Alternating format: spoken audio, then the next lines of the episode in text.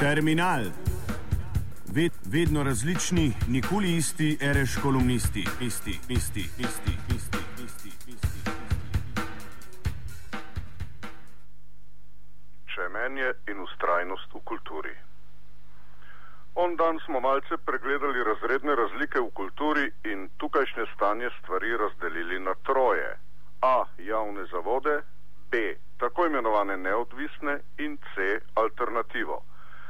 Slednja nikakor nima identičnih izhodišč, pogojev za delo in subvencij, čeprav je na dlani, da je zgodovinsko konstitutivna za okolje, v katerem deluje. Cinični ugovori kajpak takoj postrežejo z argumentom, da alternativna kultura lahko deluje tudi povsem brez denarja in v nemogočih pogojih, še več, da je to tako rekoč njena esenca.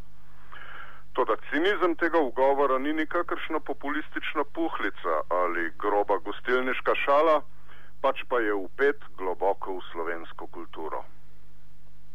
Kulturna politika alternativno delovanje zahteva in upraviči celo tam, kjer so doma javni zavodi in tako imenovani neodvisni. Ko je sveže jurišniška vladavina SDS vzemimo, leta 2005 izvedla svoj slavni pogrom na slovensko kinoteko in razbila izjemen kolektiv, tedaj se je inercija te alternativne posebnosti v kulturni politiki razgalila do obisti. Kolektiva bi tedaj ne bilo možno razsuti, če bi ne bil že sam kot tak žrtev povsem napačnega načina kadrovanja. Kadrovanje v poklicni kulturi namreč že od časov, ko so se lepe in manj lepe umetnosti pogreznile v svet kulture, torej nekje od časov prenovljene ustave SFRJ leta 1974, ustave, ki je družbo raznolikih pobud in pestrih možnosti za njihovo udejanjanje zacementirala v družbo kulture, računa na entuzijazem, celo na nekakšen amaterizem. Javni zavodi so zgodovinsko zavezani k temu, da redno zaposlijo dovolj računovodskega osebja, tajnic, tajnikov, tudi tehnično osebje dobi svoje zadoščenje, medtem ko se zaplete pri operativi. Slovenska kultura v svoji nezavedni politiki že desetletja računa na to, da je operativni sektor, če si dovolimo ta moden izraz, dovolj entuzijastičen in ogred za samo stvar, da deluje tudi brez rednih zaposlitev, po mesečnih ali v najboljšem primeru letnih pogodbah. Operativni sektor je pomemben segment alternativne kulture, kjer bi jo najmanj iskali in potrebovali. Če bi bil leta 2005 kdo v operativnem sektorju slovenske kinoteke, kot pravi naš današnji zgled, redno zaposlen, bi Janšov pogrom ne bil tako uspešen, kakor je bil tako pa se je SDS na hitroma znebila alternative in to v prostoru, kjer naj bi alternative per definicionem sploh ne bilo. Toda ker ta spaček, torej nezaposlena alternativa v javnem zavodu, ponavadi oskrbuje tudi družabno življenje in daje instituciji, njenim prostorom in dejavnostim vsnjen dih, saj ne hodi kar tako v službo, je bil udarec toliko usodnejši. To, da kar je najhuje, iz njega se ni nihče ničesar naučil. Grenka zgodba ima za alternativo še zmerom pogubne razsežnosti.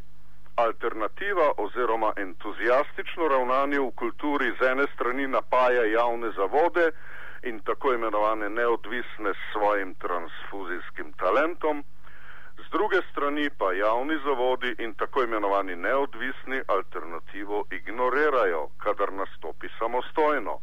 Imajo jo za izrazito predkulturno dejavnost. Sektor norcev, ki zaradi svoje ljubezni do kulture pravzaprav sploh ne potrebuje kulturnega oziroma političnega obravnavanja. Paradoksno torej, a alternativna kultura je očitno preveč zaposlena s samimi kulturnimi dejavnostmi, da bi se udeleževala za kulturo ključnih dogodkov, procesi, srečanj. Ta čas, ko se prirejajo sprejemi, otvoritve in druge ključne kulturne reči, se alternativa giblje v kulturnem pogonu.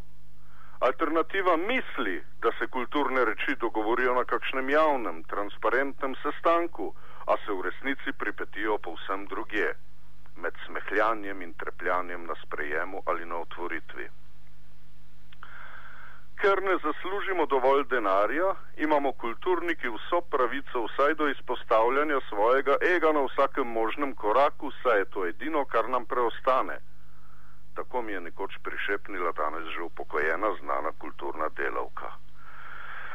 Alternativa deluje povsem drugače, nadrsa pa dvakratno. Za njo lahko mirno rečemo, da je krepko pomagala konstituirati to državo, kakršnakoli že je, obenem pa mora še 24 ur na dan opravljati delo, ki se marsikomu zdi vredno kvečemu službovanja oziroma ugajanja svojemu lastnemu jazu. Kulturno-politična godlja s tem seveda ni izražena do konca. Po novem se poleg stare razredne delitve v njej krepi še športen duh.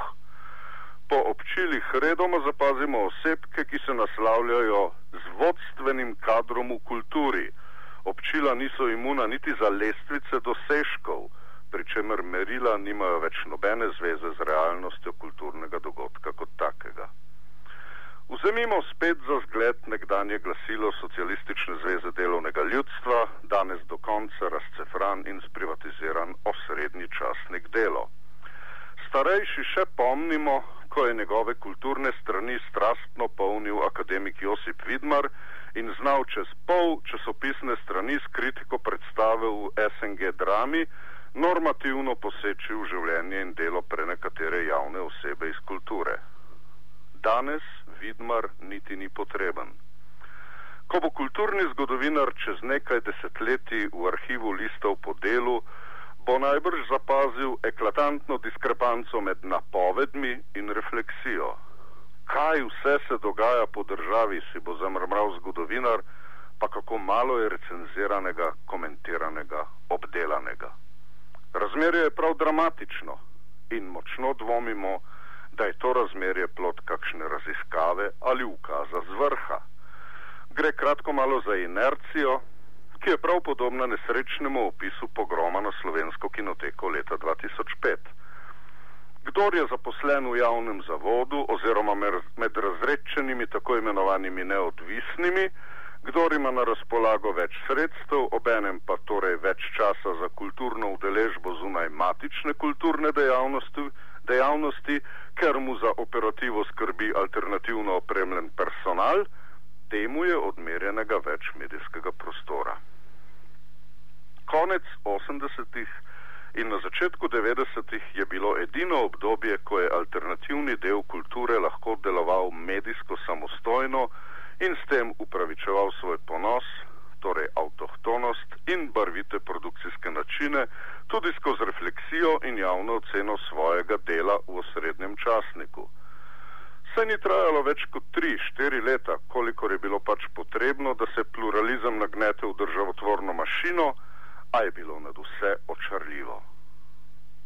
Med vsemi nagradami, kar jih je do zdaj zbral kolumnist, ki mu zdaj le namenjate svojo pozornost, mu je še vedno najljubše priznanje Zveze društev Škuc Forum za prispevke k promociji alternativne kulture.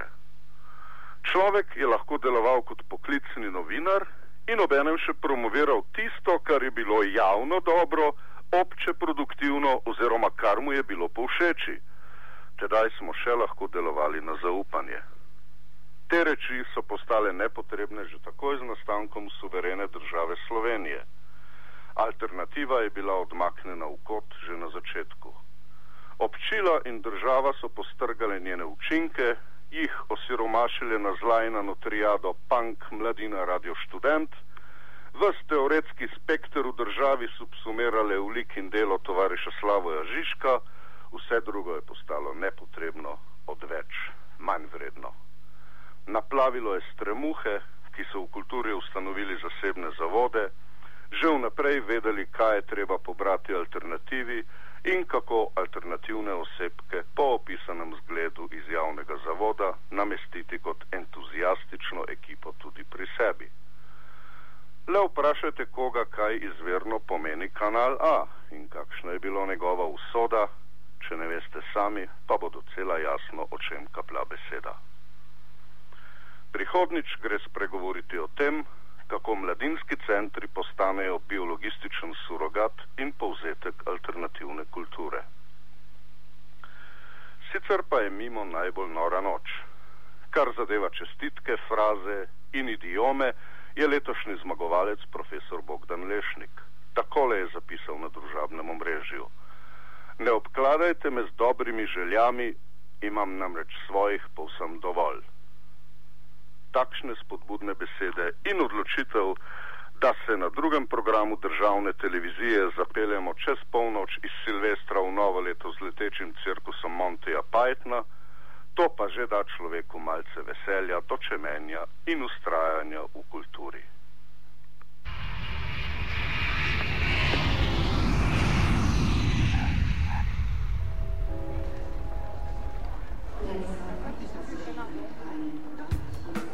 Terminal. Vedno različni, nikoli isti, ereš kolumnisti, isti, isti, isti, isti.